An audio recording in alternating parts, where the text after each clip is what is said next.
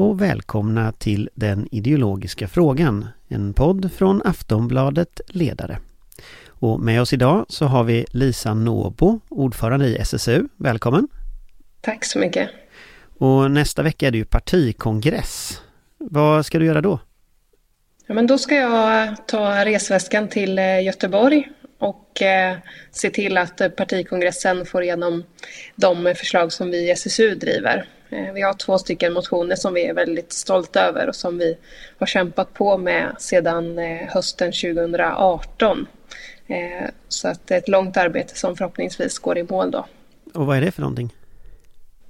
Det är två motioner. Den ena heter Jämlikhetslöftet som är full med att-satser om hur vi minskar ojämlikheten i samhället och minskar klyftorna som tyvärr fortsätter växa trots att vi har haft socialdemokratiskt styre nu i snart två mandatperioder.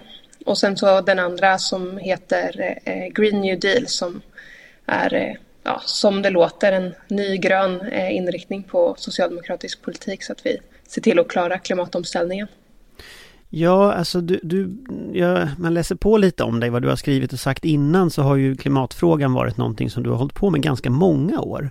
Hur, mm. hur hamnade du där? Ja, men klimatet var nog en av de frågor som gjorde att jag fick upp ett eh, intresse för politiken.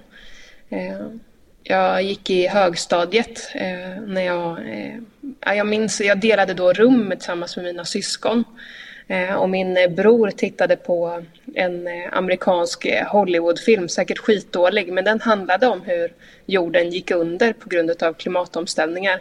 Jag kanske var 13 år och jag minns att jag grät mig själv till söms för att det kändes inte så overkligt. Och den där känslan har ju, har ju hängt med mig under mitt politiska engagemang och gjort att klimatfrågan har varit en naturlig hjärtefråga för mig. Alltså man, man kan ju tänka en ung människa idag som blir engagerad, helt hypotetiskt, och tar en skylt och sätter sig, där det står så här skolstrejk för klimatet och sätter sig framför mm. riksdagen det är ganska många ungdomar som gör det idag. Eh, om man tänker på att man väljer en utomparlamentarisk väg. Hur kom det sig att du, du inte valde den vägen? Nej men, eh, ja, men först så vill jag bara säga att jag tycker att allt engagemang är väldigt bra engagemang. Anledningen till varför jag inte satte mig med en skylt utanför eh, stadshuset hemma i Linköping eh, var nog för att jag inte visste att det var, var någonting man kunde göra. Min eh, relation till påverkan var den icke-existerande egentligen. Man hade elevrådet och det var ungefär det man kände till om hur man kunde påverka vuxenvärlden. Men sen stod SSU på min skola en dag eh, och frågade om jag ville vara med och påverka. Eh, och det var första gången någon frågade mig det. Eh, och, och då blev det naturligt att ta det inom parlamentariska spåret till att påverka samhället. Men du har ju rätt i att det eller jag känner väldigt starkt att om i alla fall några utav dem som deltog i de stora klimatdemonstrationerna i Stockholm Eh, om en, jag tror att det är om en femtedel av dem hade gått med i Socialdemokraterna så hade man kunnat ta över hela partiorganisationen för man var så många.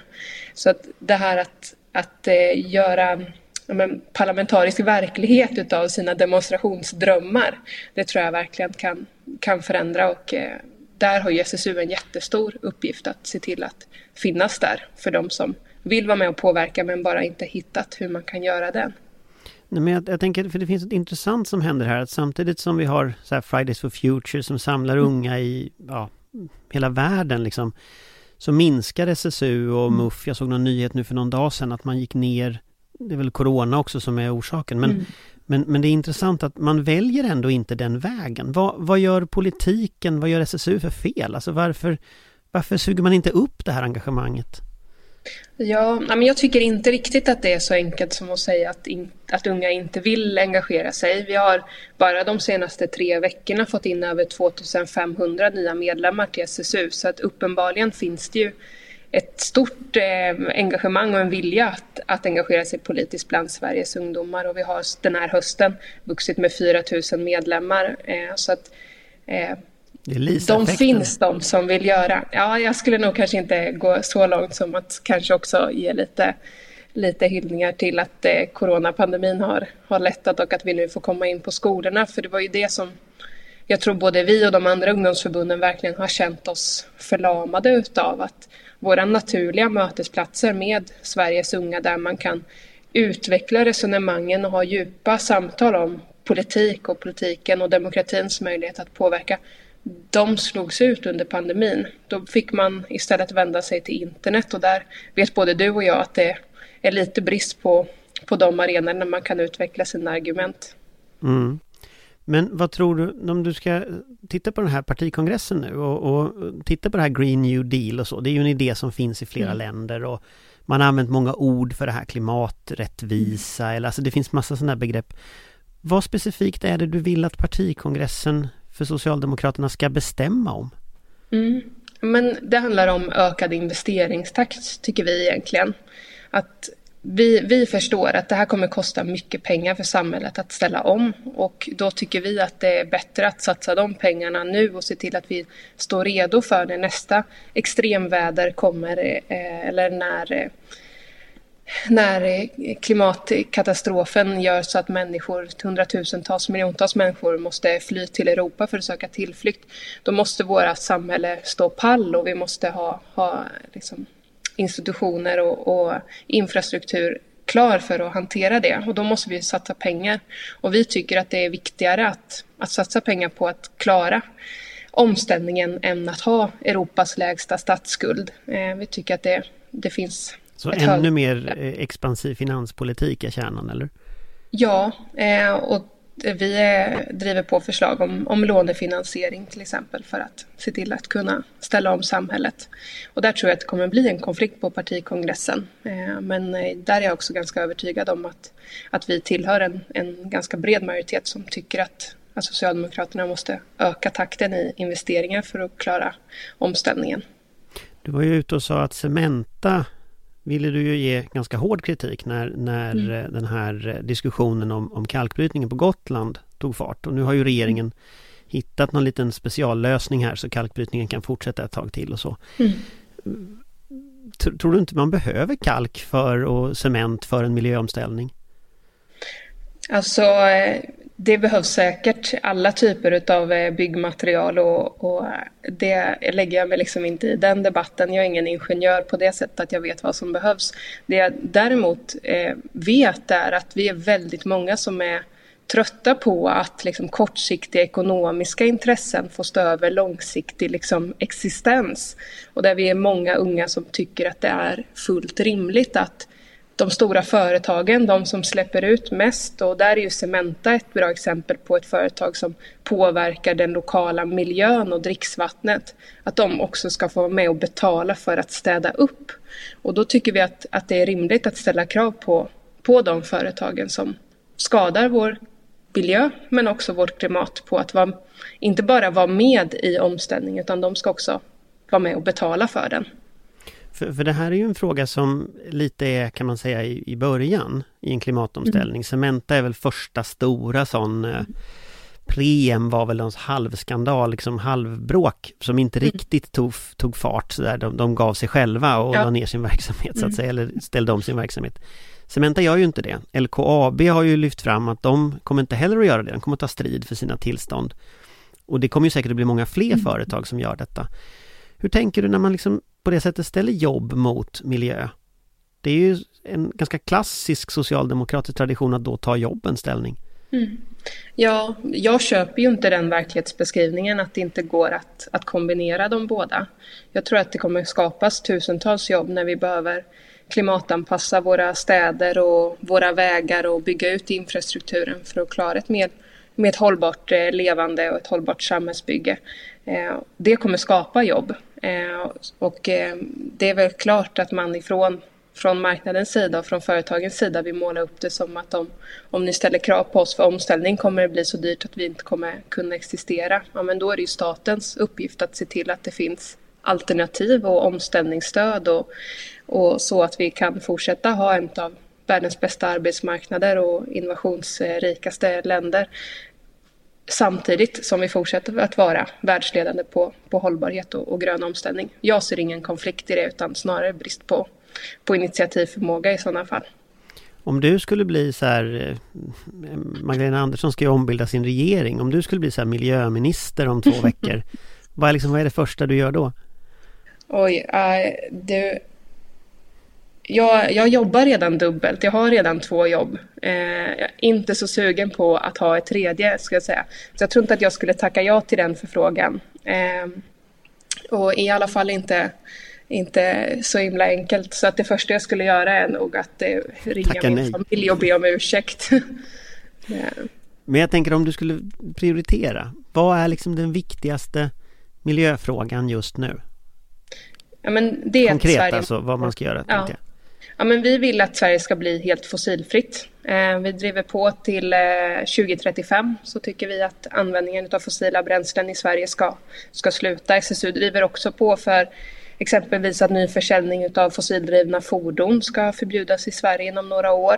Det, det krävs, eh, tycker jag, tydliga stoppdatum för att tvinga fram en omställning. Och I vissa av de här, eh, ja, men, om vi tar fordonsflottan till exempel, så tycker jag att i de samtal som vi har haft i SSU tillsammans med exempelvis eh, Volvo Cars om deras syn på framtiden så är de kanske lite mer optimistiska på hur snabbt omställningen kan ske än vad politiken är. Och så tycker inte jag att det ska vara utan att det är politiken som ska, ska gå i framkant och, och trycka företagen eh, framför sig och med sig. Liksom. Och det blir ett problem när det är politiken som bromsar för en konflikt som jag inte upplever existerar utan som man målar upp för att skydda egna intressen eller vad det nu kan vara. En annan fråga som kommer att bli stor på partikongressen det är ju kriminaliteten, gängskjutningar. Mm. Vi hade den, den tragiska dödsskjutningen av, av rapartisten Einar här för någon, någon vecka sedan. Och det är en fråga som hela tiden kommer upp. Du har ju själv valt att bli polis. Mm. Eh, du är väl klar om någon vecka eller några, något par månader eller vad var det nu? Ja men jag kör till årsskiftet. Du kör till årsskiftet, okej. Okay. Ja. Men givet den liksom erfarenheten du har, vad tycker du Socialdemokraterna borde göra? De har haft sju år på sig att lösa det här. Micke Damberg brukar säga att nu vänder det. Det brukar inte vända. Så att, vad ska man göra? Men, eh, men jag vill bara vara tydlig med, för jag, det är ju svårt det här. Jag eh, har ju min liksom, polisutbildning som jag håller på med och så håller jag på med politik också. Och det är lite vanskligt att, eh, att blanda dem. Så att jag du har inte vill... uniform på dig nu kan jag säga när vi sitter och pratar här, utan nu är du här som SSU-Lisa. Precis, det vill jag ska vara tydligt. Men jag tycker att det är, eh, ja, men det är väldigt många som säger att det är polisen som ska lösa det här problemet. Jag upplever inte att polisen själva håller med om det. Eh, rikspolischefen själv säger att sättet att lösa problemet med gängkriminalitet och utanförskap och skjutningar i våra, eh, i våra förorter och eh, även in i våra städer nu, eh, det är att satsa mer på socialtjänsten, på skolan, på att bygga bort segregationen och där håller jag med. Det är ett, ett långsiktigt problem så att när Mikael Damberg säger att nu vänder det, ja men då tycker jag att det kanske är lite Ja, men han är kanske lite mer positiv till det än vad jag är för att jag tror att det kommer ta lång tid tyvärr. Och det här är inget problem som vi löser genom att höja straffen enbart eller sätta en fotboja på varenda ungdom eh, som bor i ett utsatt område. För att det är inte avskräckande nog. För att eh, de ungdomar jag möter på mitt jobb, eh, de gör det här för att de inte ser att de har något annat val. Eh, när de eh, tar upp den här pistolen och håller den i handen så tänker de inte att, att det finns något annat val för dem än att göra detta. Och då behövs det förebyggande åtgärder att sätta in tidigt. Se till att varenda unge går förskola, klarar gymnasieskolan, får en gymnasieexamen och sen får ett jobb med en lön man kan leva på. Men konkret, vad, vad, vad är det, om man tänker i det korta perspektivet så måste vi ändå hantera en situation mm. där, där folk skjuter ner varandra eh, och dödar varandra. Det kom en rapport idag om att våldet inte bara blir ökar utan att det blir också dödligare. Man skjuter människor mot huvudet, eh, mm. väl i kunskap om att man ju dör av, av det, detta så att säga. Alltså i det korta perspektivet, vad kan man göra för att skapa liksom, jag förstår det här med skola och socialtjänst och så, men det är också långsiktigt. Mm. Eh, här och nu, vad gör man? Mm. Nej, men eh, där tycker jag att det presenteras väldigt många förslag. Det är ju det är där alla partier tävlar om vem som, vem som kan ge mest, eh, eh mest pengar till, eh, till de typer av lösningar. Och där håller jag med om att så här, ja, men det behövs fler poliser. Eh, vi är vi är många kollegor som behöver jobba övertid för att klara av den liksom, ökade ja, men situationen med våld här i Linköping där jag jobbar. Eh, och det är inte hållbart i längden. Så vi behöver få fler kollegor. Vi behöver få bättre verktyg. Jag tycker att de förslagen som läggs fram av eh, eh, Mikael Damberg med flera om eh, preventiv övervakning eh, är bra.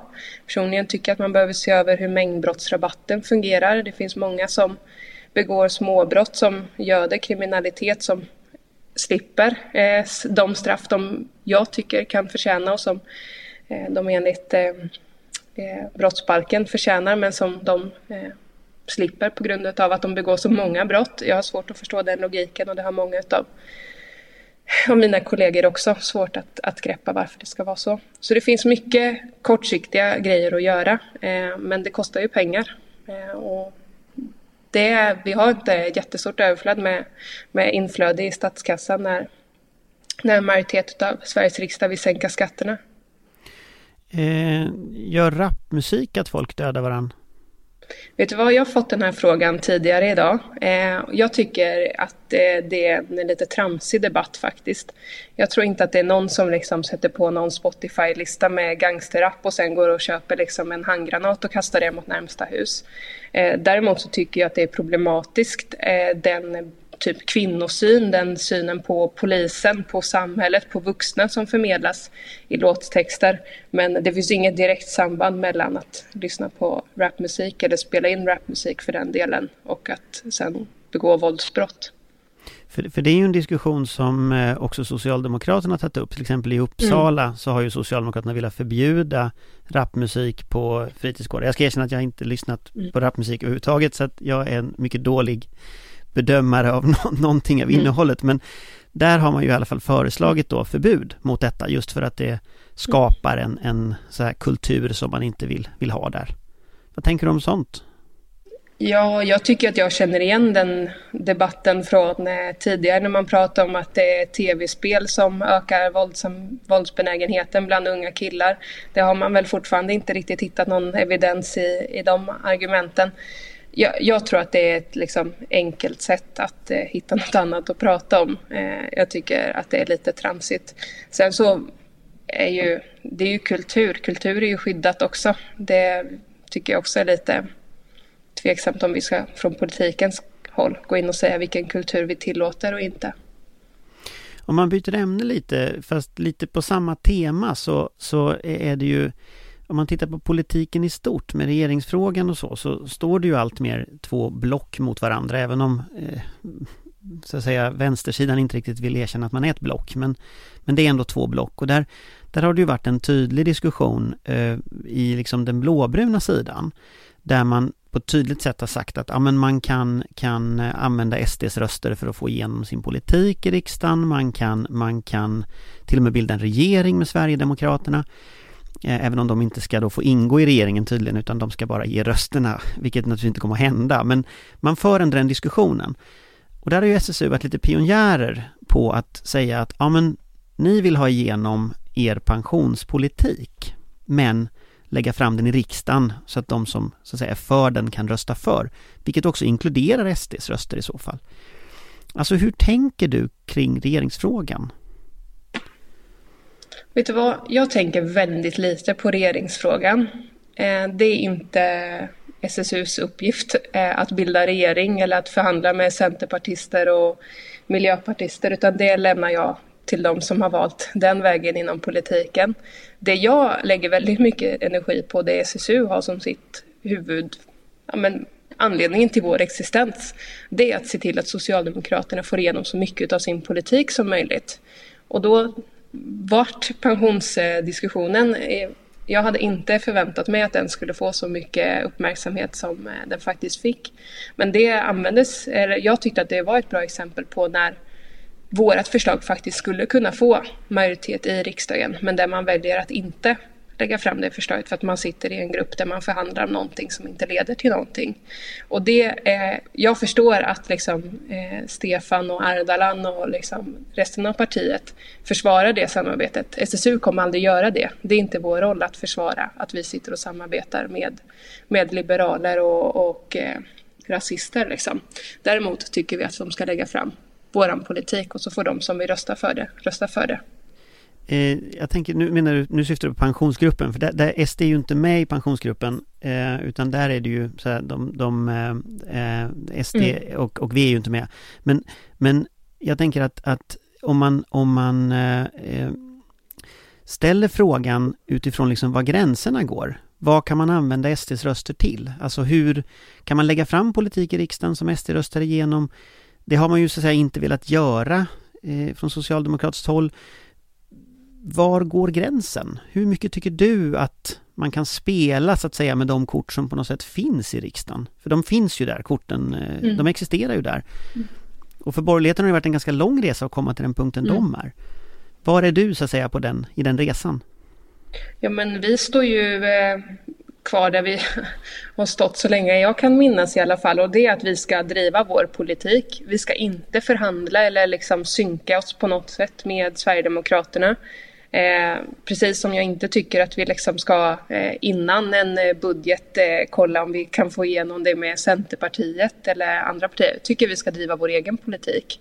Eh, om det då är så att det finns förslag som vi kan få igenom på grund av att andra partier röstar för det, då ser jag inget problem med det. Men jag tycker inte att vi ska gå in och förhandla och liksom köra någon kohandel med, med partier som Sverigedemokraterna för att få igenom vår, på politik. Och det har ju funnits många exempel. Det är ju eh, jag vet inte om du har suttit och gått igenom alla voteringar som har skett i riksdagen sedan 2010. Men jag är ganska övertygad om att det finns eh, förslag som har fått stöd både från Sverigedemokrater och Socialdemokrater tillsammans. Även om man inte har förhandlat fram dem ihop och lagt dem gemensamt så, så är det ju inte, vore inte första gången man röstar för samma förslag. Nej, det vore det inte. Men, men det är nog första gången som man så att säga ska bryta ut någonting och lägga fram det där man har tänkt sig att få igenom det med hjälp av, av SDs röster på det sättet. Så att det är ett strategiskt skifte i så mm. fall man skulle välja. Och det är där jag är mm. nyfiken på, liksom, vad tycker du om det strategiska skiftet? För att, för att det, det, man kan ju välja olika strategier här. Januariavtalet är ju en annan strategi. Mm. Där kommer man ju överens om saker och Stefan Löfven var idag, såg jag uttalade en intervju, han har sagt att om LAS, att alternativet till LAS eh, och att förändra LAS var ju att man inte hade något januariavtal och då skulle man ha en, en regering ledd av Kristersson istället, en blåbrun regering. Eh, och då är att förändra LAS ett bättre alternativ, det är ju så han resonerar mm. så att säga och så har ju Socialdemokraterna resonerat mer eller mindre i sju års tid. Så det är därför jag är nyfiken på liksom hur du ser på framtiden efter nästa val. Om du liksom fick bestämma, skulle Socialdemokraterna då gå med sin politik till riksdagen och sen helt enkelt inte ha något januariavtal eller inte ha något avtal av den typen alls? Ja, återigen så tycker jag att det är inte min eh, inte det jag lägger min energi på, inte det SSU lägger sin energi på heller, vilka partier som ska samarbeta med vilka. Men där har vi ju liksom ett tydligt budskap är att, att en regering ledd av en socialdemokrat, om vi har en socialdemokratisk statsminister, ska regeringen alltid syfta till att minska ojämlikheten i samhället. Den regering som inte lyckas med den uppgiften, den kommer få höra det ifrån SSU. Och det har man ju fått göra under tiden som januariavtalet Eh, var gällande eh, när man inte lyckades presentera bra budgetar. Och det kommer vi fortsätta att kritisera en socialdemokratisk ledd regering för om man misslyckas med det. Men självklart så tycker jag ju att det är bättre med en socialdemokratisk regering som åstadkommer halvbra grejer än en blåbrun regering som åstadkommer skitdåliga grejer. Om jag ska välja mellan de två så tycker jag att det är ganska enkelt. Om jag ger dig en tidsmaskin nu och så får du åka tillbaka till december eh, 2018 och så får du välja Ska Socialdemokraterna ingå i ett januariavtal eller ska vi gå i opposition? Vad skulle du välja då? Ja, men jag hade nog fortsatt tyckt att man skulle ingå ett januariavtal. Men jag hade nog velat ta ett litet möte med Stefan och, och berätta att han kanske ska vara förberedd på att Centern och Liberalerna kommer att eh, ditcha det innan vi får igenom den här skattereformen som var hela anledningen till varför vi ville, ville ha med dem från första början. Så det hade jag nog velat berätta för Stefan och se om han kanske omvärderar. Det är han som ska syssla med den typen av taktik och inte jag. Fram till torsdag, för då kommer Magdalena Andersson att få ta ja. över det problemet. En annan fråga som jag tänkte som är intressant på partikongressen som kommer upp, det är ju bostadspolitiken. Mm. Det är ju någonting som SSU har hållit på med och som historiskt har varit en, en mm. fråga som SSU har drivit väldigt mycket. Ehm, just nu är det väl närmast en katastrof. Vi skriver om det mm. idag, Sina Aldevani skriver en text idag i Aftonbladet där hon, där Hyresgästföreningen varnar för att ungdomar då eh, får hyres, eller erbjuds hyresavtal i utbyte mot sex mm. i Stockholm på Stockholms eh, bostadsmarknad. Och så ser det ju ut och så har det sett ut ett tag. Vad bör man göra åt det? Ja, eh, jättemycket bör man göra åt det. Eh, dels behöver man ju bygga mer men sen måste man också se till att de där äcklena som håller på med den typen av ja, fruktansvärda beteenden också hamnar bakom lås och bom. Det skulle jag jättegärna själv se till. Eh, men, eh, nej men vi tycker att vi ska höja byggtakten, se till att eh, staten tar ansvar för att det byggs billiga hyresrätter där unga har råd att bo. Eh, vi tycker också att unga ska ha en särskild bostadsgaranti där man får gå före i bostadsköer om man är ung studerande, eh, ska, eh, behöver flytta hemifrån för att man bildar familj eller liknande. Det tycker vi är, är rimligt eh, och framförallt då som en del i att minska bostadssegregationen där vi ser att, att de ungdomar som faktiskt eh, växer upp i ett särskilt utsatt område som ändå lyckas med skolan, som har goda framtidsutsikter, och de lyckas inte flytta hemifrån för det är så dyrt. Eh, eller man måste ha haft föräldrar som har stått i bostadskö innan, sen innan man var planerad. Liksom. Eh, så de stannar kvar i sina områden eh, och förr eller senare så är det i alla fall en eller två av dem som, som själva blir brottsoffer eller eh, förövare. Eh, så att eh, absolut, se till att det, det byggs mer och se till att unga har råd att bo där och framförallt se till att unga kan få bo där så att man inte måste vara 55 plus för att kunna hamna i någon eh, kategori så man får en bostad. Men om man tittar konkret så, så ser vi ju just nu, vi ser ju att det här problemet eh, har liksom, det blir bara värre. Eh, mm. Det sker en stor inflyttning till storstadsområdena. Samtidigt så, så ökar priserna eh, något ofantligt på att mm. köpa sin bostad. Det finns inga hyresrätter överhuvudtaget. Mm. Alltså socialdemokratin historiskt har ju haft allt från miljonprogram till liksom stora mm. offentliga projekt för att bygga. Mm. Eh, det fanns något som heter miljonprogram för miljön som Göran Persson var med mm. och lanserade en gång i tiden som, som i princip också var att man skulle bygga massa saker. Mm. Alltså var har det tagit vägen i socialdemokratin? Ja, men det är ju lite på gång igen. Eh, jag var ombud på partikongressen 2017 och då minns jag att jag tog strid och pratade om att det skulle byggas. Jag tror att vi då pratade om en kvarts miljon nya bostäder. Eh, nu har ju lite av det, det tog fyra år, men eh, nu så läggs det fram till den här partikongressen från partistyrelsen då ett ökat bostadsbyggande. Tycker vi är bra, men det får inte stanna där, utan det här måste ju fortsätta. Det borde vara ett ett årligt mål om hur mycket bostäder som ska byggas och där har ju SSU till exempel, den driver ju på frågan om ett statligt allmännyttigt bostadsbolag för att se till att, att det faktiskt också byggs och att det byggs på rätt sätt. Men eh, det är ju en, en extremt komplicerad bransch där eh, staten har ett del inflytande, kommunen har ganska mycket men de privata byggherrarna, de som äger marken, Eh, de har allra störst makt över detta och där finns det idag brist på ekonomiska incitament för att, att bygga billigt. Eh, och då, då måste ju någon gå in och se till att de incitamenten finns där. Kan du tänka dig en sån här social housing till exempel som ju finns i andra länder att man, man bygger speciella bostäder för där det finns så att säga låg, ja, låg efterfrågan egentligen. Man inte har råd med att betala men att man ändå bygger ut det. Det är en modell vi inte kanske har så mycket använt i Sverige. Man gör det direkt. Ja, men jag tycker att det är intressant att titta på olika typ, alltså olika lösningar för hur man kan eh, på kort sikt minska eh, problemet med ofrivillig eh, liksom, mamma, eh, beroende. Liksom. Precis, så att, där tycker jag det finns eh, många intressanta förslag. Vi har SSU-are som driver på för att eh, typer av liksom, så som det finns studentbostäder ska det också finnas ungdomsbostäder där man kanske kan dela kök med, med några andra unga som också vill flytta hemifrån som också har en låg inkomst.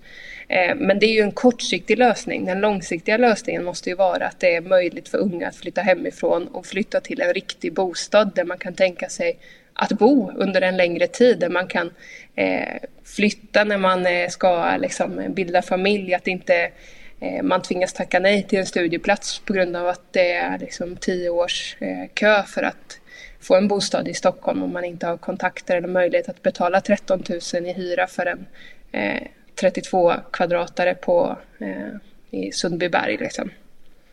Ja, du jagar väl själv bostad i Stockholm? Ja, jag har lyckats. Eh, som tur var så har vi ju två inkomster i mitt hushåll. Eh, men hade jag varit själv hade det varit extremt svårt. Så att hade det inte varit för att min sambo har fast jobb eh, så vet jag tusan vart jag hade tagit vägen faktiskt.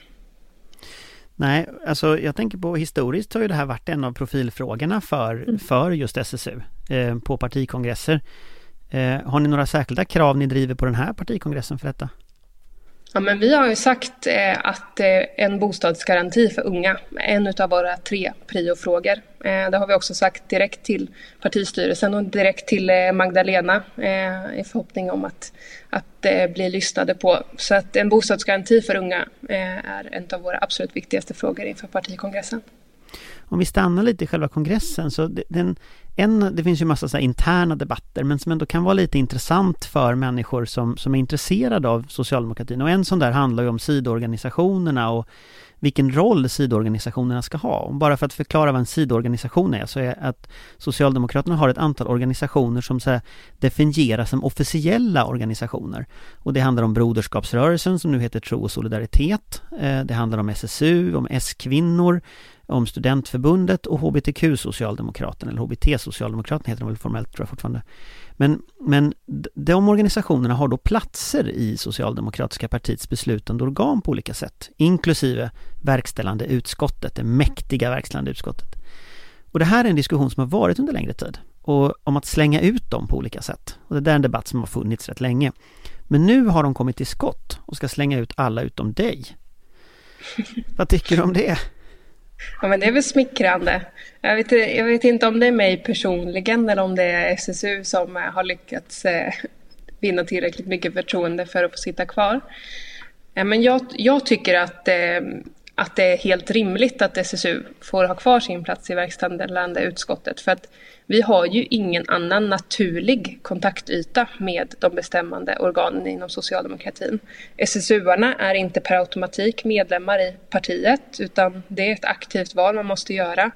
Eh, och vi eh, har inte några naturliga eller liksom självklara platser in i de lokala eh, styrelserna som finns utan där för, måste vi förlita oss på att partiet vill ha med oss.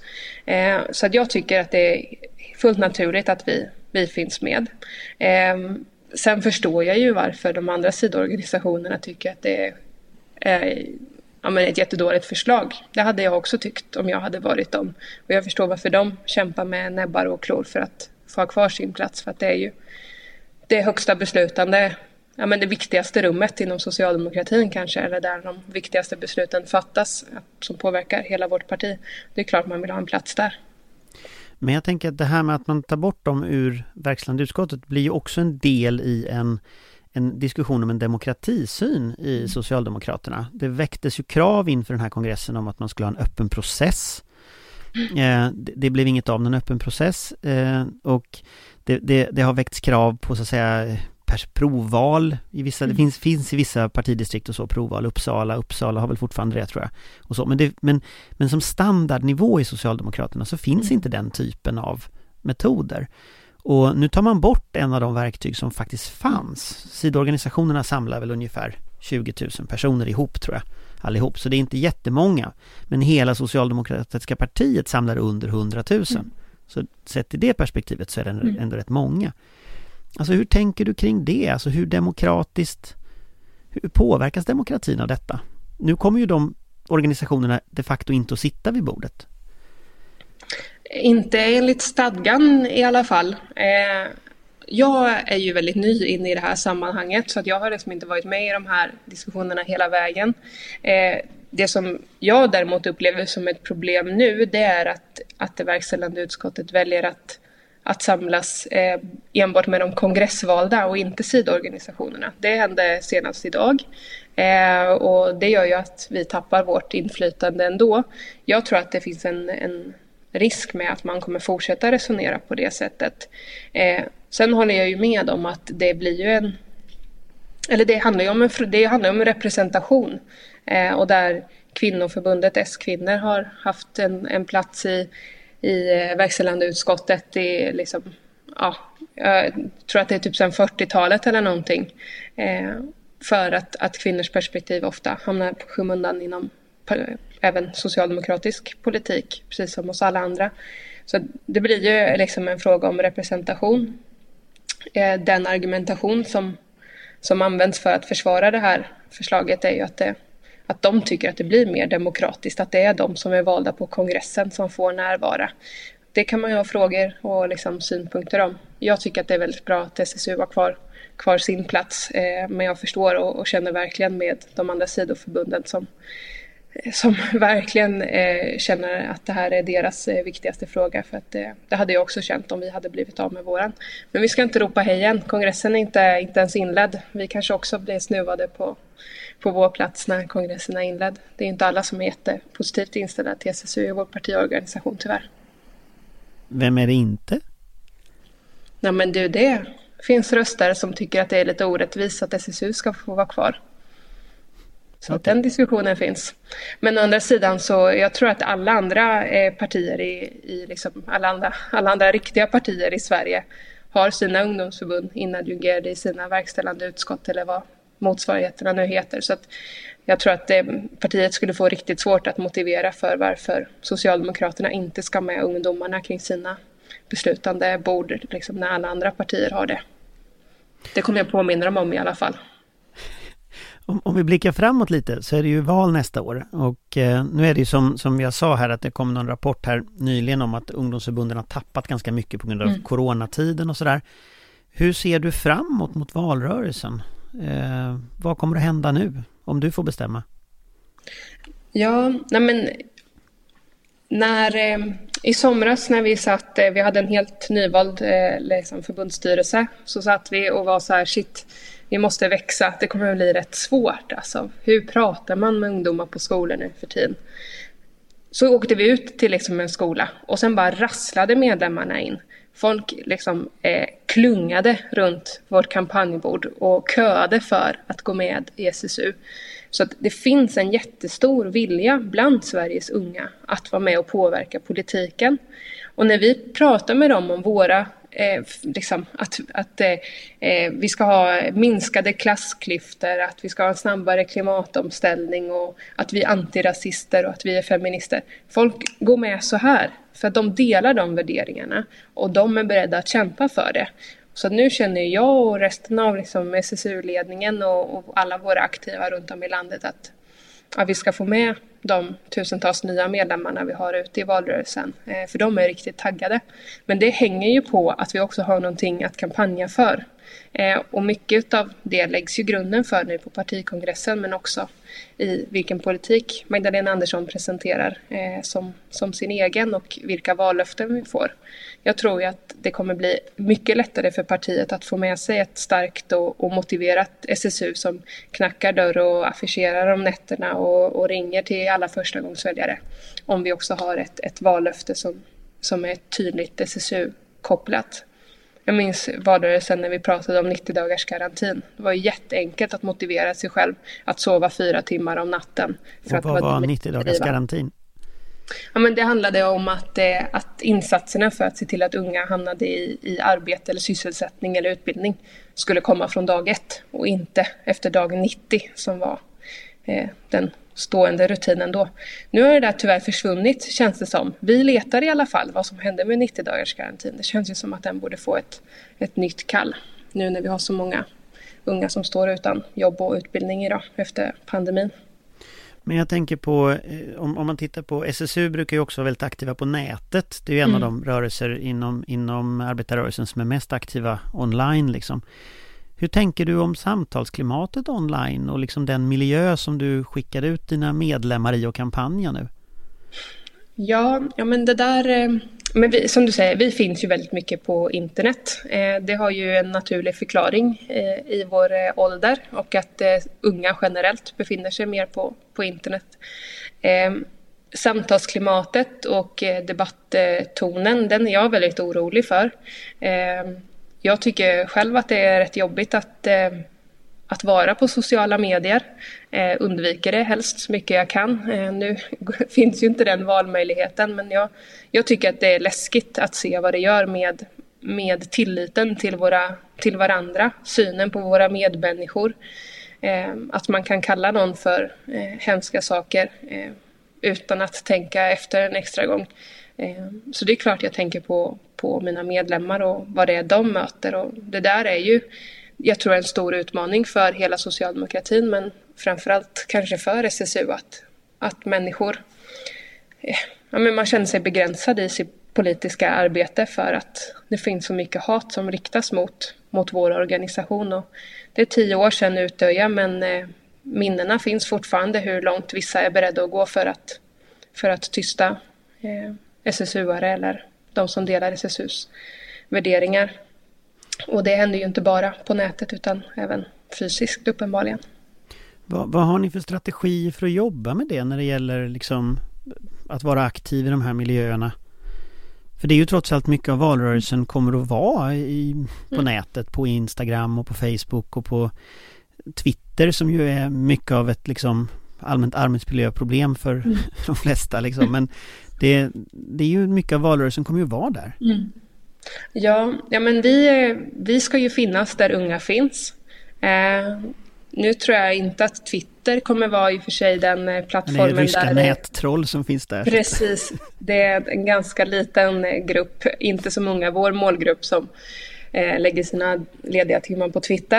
Eh, nej, men det är en utmaning eh, eh, för oss att, att nå fram. Eh, men vi är, vi är duktiga på det och vi är framförallt är det väldigt många av våra gräsrötter, våra medlemmar som tycker att det är väldigt kul att producera digitalt material och, och vara ambassadörer för oss på internet. Och det, det glädjer mig jättemycket och det ska de fortsätta vara för att eh, jag tror inte att ni kommer få se mig dansa i någon TikTok eh, i närtid. Men vem vet, man kanske blir desperat sista timmarna innan valresultatet kommer. Men I dagsläget känns det rätt långt borta.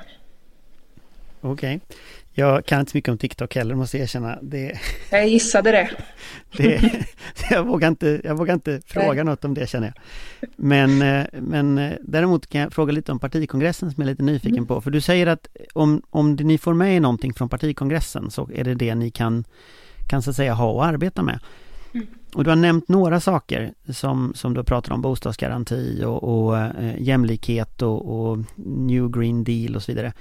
Om du skulle få spetsa ner vad du är mest sur på Socialdemokraterna för. Vad är det de inte har levererat? Vad är det du skulle vilja liksom skulle göras annorlunda? Vad skulle du svara då?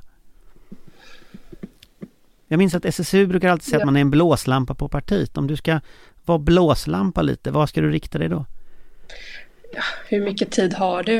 Eh, det finns... Eh, här, det är många delar i, i liksom handlingarna till kongressen som är bra. Det jag tycker är eh, riktigt frustrerande och som liksom sticker i ögonen på mig det är att det är väldigt många bör och skapa förutsättningar för och ska kunna. Det är väldigt lite måste och ska och eh, liksom, eh, ja, men det är ganska slapphänt på vissa delar. Och framförallt när det kommer till eh, klimatpolitiken där jag tycker att man är... Eh, det går för långsamt och man litar för mycket på att det ska ske per automatik. Eh, så där, där är jag rätt frustrerad. Eh, sen så... Eh, vi driver ju våra två motioner. När vi kollar stödet för dem ute i landet, vilket vi har gjort, så tror vi att ungefär 22 av 24 att-satser skulle gå igenom om alla röstade precis som de gjorde på sina distriktsårskongresser på partikongressen. Det syns ju inte i svaret från partistyrelsen utan där har vi fått eh, några få bifallna. Vi har fått eh, några stycken avslagna men vi har fått en hel drälledus med eh, besvarande yrkanden som jag, jag inte begriper mig på. Jag tror du måste förklara för, för eh, lyssnarna vad ett besvarande yrkande är. Jag tror inte det är helt... men jag önskar att jag kunde göra det för att vi förstår inte. Men besvarande är ungefär så här, det här gör vi redan. Eh, och där har vi fått förslag som till exempel att göra kollektivtrafiken avgiftsfri för unga. Den är besvarad enligt partiet. Och jag har eh, letat många timmar i olika budgetar och partiprogram och försökt hitta vart driver vi på för att kollektivtrafiken ska vara avgiftsfri för barn och unga? Ingenstans. Eh, men ändå så tycker man att det är besvarat. Det är de där delarna som, som gör mig, och det, hör ju, det här blir jag ju störd av. Det, då kunde de lika gärna bara säga avslå och så kunde vi fått en liksom, riktig debatt om det. Men ibland är det som att de försöker fega sig ur lite genom att säga att det här tycker vi redan, vi bara vill inte göra det. Men, men gör inte partistyrelsen alltid så i Socialdemokraterna att man besvarar allting med hänvisning till något utlåtande och sen så eh, blir det aldrig något? Jo, så gör de alltid. Och så står SSU alltid och säger varför gör ni inte mer? Varför kan ni inte bara vara ärliga med att ni är lite snåla? Eh, men om du ska konkretisera lite från liksom, okej okay, det står mycket bör, det borde stå ska, men om du får liksom välja sakfrågor, vad är det de inte lyckas med just nu? Ja, men vi har ju till exempel, vi driver ju på för att Sverige ska bli fossilfritt 2030 har vi en eh, motion om. Eh, där, som har blivit besvarad. Men i, i själva liksom, motionssvaret och i riktlinjerna så, så pratar man ingenting om några stoppdatum. Man pratar liksom, man, man tidsätter det inte alls utan man säger i stil, något i stil med att liksom, vi ska värna om transportsektorn och hållbarheten och sen så tycker man att det är samma sak. Det tycker inte vi. Eh, och det finns många sådana exempel på där man pratar om att vi ska eh, se till att eh, så här, unga ska ha någonstans att bo. Men inte hur man ska göra det eller vem som ska ta ansvar för det eller betala för det. Så att det är mycket, mycket fina ord och jag håller liksom med om allting som står i, i de här programmen. Men de, det saknar eh, udd när det kommer till många viktiga frågor. Om, om du skulle titta på lite framåt nu från partikongressen här. Eh, om, om du ska liksom skissa på en valrörelse eh, mot Sverigedemokrater, mot Moderater på skolorna och på mm. liksom där SSU finns. Hur ser den ut? Vad är det ni liksom bygger det på? Ja, men jag tycker att det finns eh, tre stycken tydliga politiska områden. Det är, eh, jämlikheten och då gärna prata om, om vården och om skolan, viktiga frågor för unga. Eh, det är om tryggheten och då är det både mäns våld mot kvinnor men också skjutningarna som sker. Eh, och sen så är det självklart klimatet. Det är de tre delar som, som jag kommer bygga valrörelsen eh, runt SSU på och förhoppningsvis få med mig resten av min organisation. För det är de tre frågorna som jag ser som både är de mest prioriterade bland unga men där också mediaklimatet ligger rätt i tiden och det är de tre frågorna jag tror det kommer handla om. Och där har vi väldigt bra politik och vi vet också att det finns en väldigt stort stöd för vår politik när det kommer till de här frågorna. Och de gånger folk inte håller med om oss så är det nog för att de inte uppfattat vad det är vi egentligen tycker. Så att eh, det är mer, mer fokus på, på vår politik som redan är väldigt bra. Men se till att vara tydliga i vår kommunikation. För här finns ju en diskussion som har funnits ett tag om att eh, socialdemokratin tappar arbetarklassen och speciellt arbetarklassens unga män. Eh, många går till mm. SD, vissa går till soffan. Mm. Det är en grupp som man har försökt vinna tillbaka mm. rätt länge. Hur kan SSU vinna tillbaka dem? Ja, men jag tror att det handlar om att vi ska prata om liksom klassisk socialdemokratisk politik. Unga killar på landsbygden, de är inte mindre intresserade av att ha ett jobb idag än vad de var för 20 år sedan. De är inte mindre intresserade av att eh, kunna få vård idag än vad de var för 20 år sedan. Det, eh, och de är absolut inte mindre intresserade av att vi ska vara, vara tuffa mot, mot de kriminella idag än vad de var för 20 år sedan. Så jag tror att vi ska fortsätta prata om om vår politik och vara stolta över den. För att när det kommer till att leverera svar för, för hela samhället och för, för de, den gruppen som du beskriver idag som, som ofta går till Sverigedemokraterna eller slutar eh, bry sig om att, att delta i demokratin helt och hållet. De håller med oss eh, i väldigt mycket av vår politik. Det handlar nog mest om självförtroende och att, att också leverera på det vi säger att vi ska göra. För, för just nu är ju SD största parti i mm. flera, i många skolor också som är mm. just den här typen av, av skolor som är ja, yrkesprogram och så vidare. Mm. Landsbygds, bättre, landsbygdsprogram och så vidare. Det, det, och det har funnits under flera års tid. Mm. Hur vänder du det där? Men jag vet inte om, eh, om det behövs så mycket mer svar än att vi måste vara där. Det, tror länge det har funnits eh, både en, en bild av SSU eh, internt och också externt att vi vänder oss till liksom storstads eh, eller eh, akademiker. Om man tittar på den politik vi driver så är ju inte det sant. Eh, utan det handlar om, om, att skapa förutsättningar för alla. Och i väldigt många eh, utav vår, våra förslag så är det ju de inne i städerna och akademikerna som kanske får stryka lite på foten för att, för att skapa möjligheter för de som som har det tuffare ekonomiskt eller eh, tuffare eh, boendesituation för att eh, det inte finns någon samhällsservice eh, längre i deras del utav, av eh, landet. Eh, Eh, så att jag tror att det handlar väldigt mycket om att vi måste bli mer självsäkra, våga berätta berättelsen om, om hur vi bygger ett starkare Sverige för alla och vara tydliga i att, att Socialdemokraterna är ett parti för alla även de som känner sig svikna av hela samhället. För det här är ju en grupp som ofta tycker till exempel invandring är den viktigaste mm. frågan. Eh, ofta, precis som du säger, inte upplever att samhället lyssnar. Eh, mm. Och jag har ställt den här frågan till flera liksom, ledande politiker från, från olika partier. Hur vinner du den här gruppen? Hur, hur, alltså, hur gör du konkret? Hur får du deras förtroende? Eh, ja. är, är det sakfrågan? Är det liksom närvaron? Var, var, hur, och tilliten är ju en annan grej än bara liksom politiska innehållet. Hur får du tilliten? Hur får de att lita på dig? Mm. Ja, alltså det, det tråkiga svaret är ju att det tar tid. Alltså vi har länge varit, varit dåliga på att ta deras eh, oro på allvar. Eh, och eh, ibland kanske till och med skylt ifrån oss men vi märker ju att när vi är ute på en fordonslinje ute på landsbygden och pratar med de ungdomarna så de håller ju med oss när vi pratar om eh, vikten av skyddsombud på skolan eller eh, förbjuda allmän visstid och att eh, de ska ha rätt till eh, skor med stålhätta redan under tiden de pluggar. De håller ju med oss om det. Men de litar inte på Socialdemokraternas förmåga att leverera. Och det tror jag handlar väldigt mycket om att vi nu har haft så många år utav hård kompromiss där vi behövt kompromissa med partier som inte har hållit med oss om de sakerna. Som tycker att det är rimligt att vissa får, får ha det sämre än andra. Eh, och jag förstår varför man då har tappat tron på att vi också kommer leverera på det vi lovar. Men min, mitt löfte till, till de unga som, som känner det, den bristen på tillit är att SSU, vi, vi har aldrig gett upp. Vi fortsätter att kämpa för att för att eh, minskad ojämlikhet eh, ska vara, vara hela målet med svensk politik och svensk demokrati. Tack för att du var med. Tack.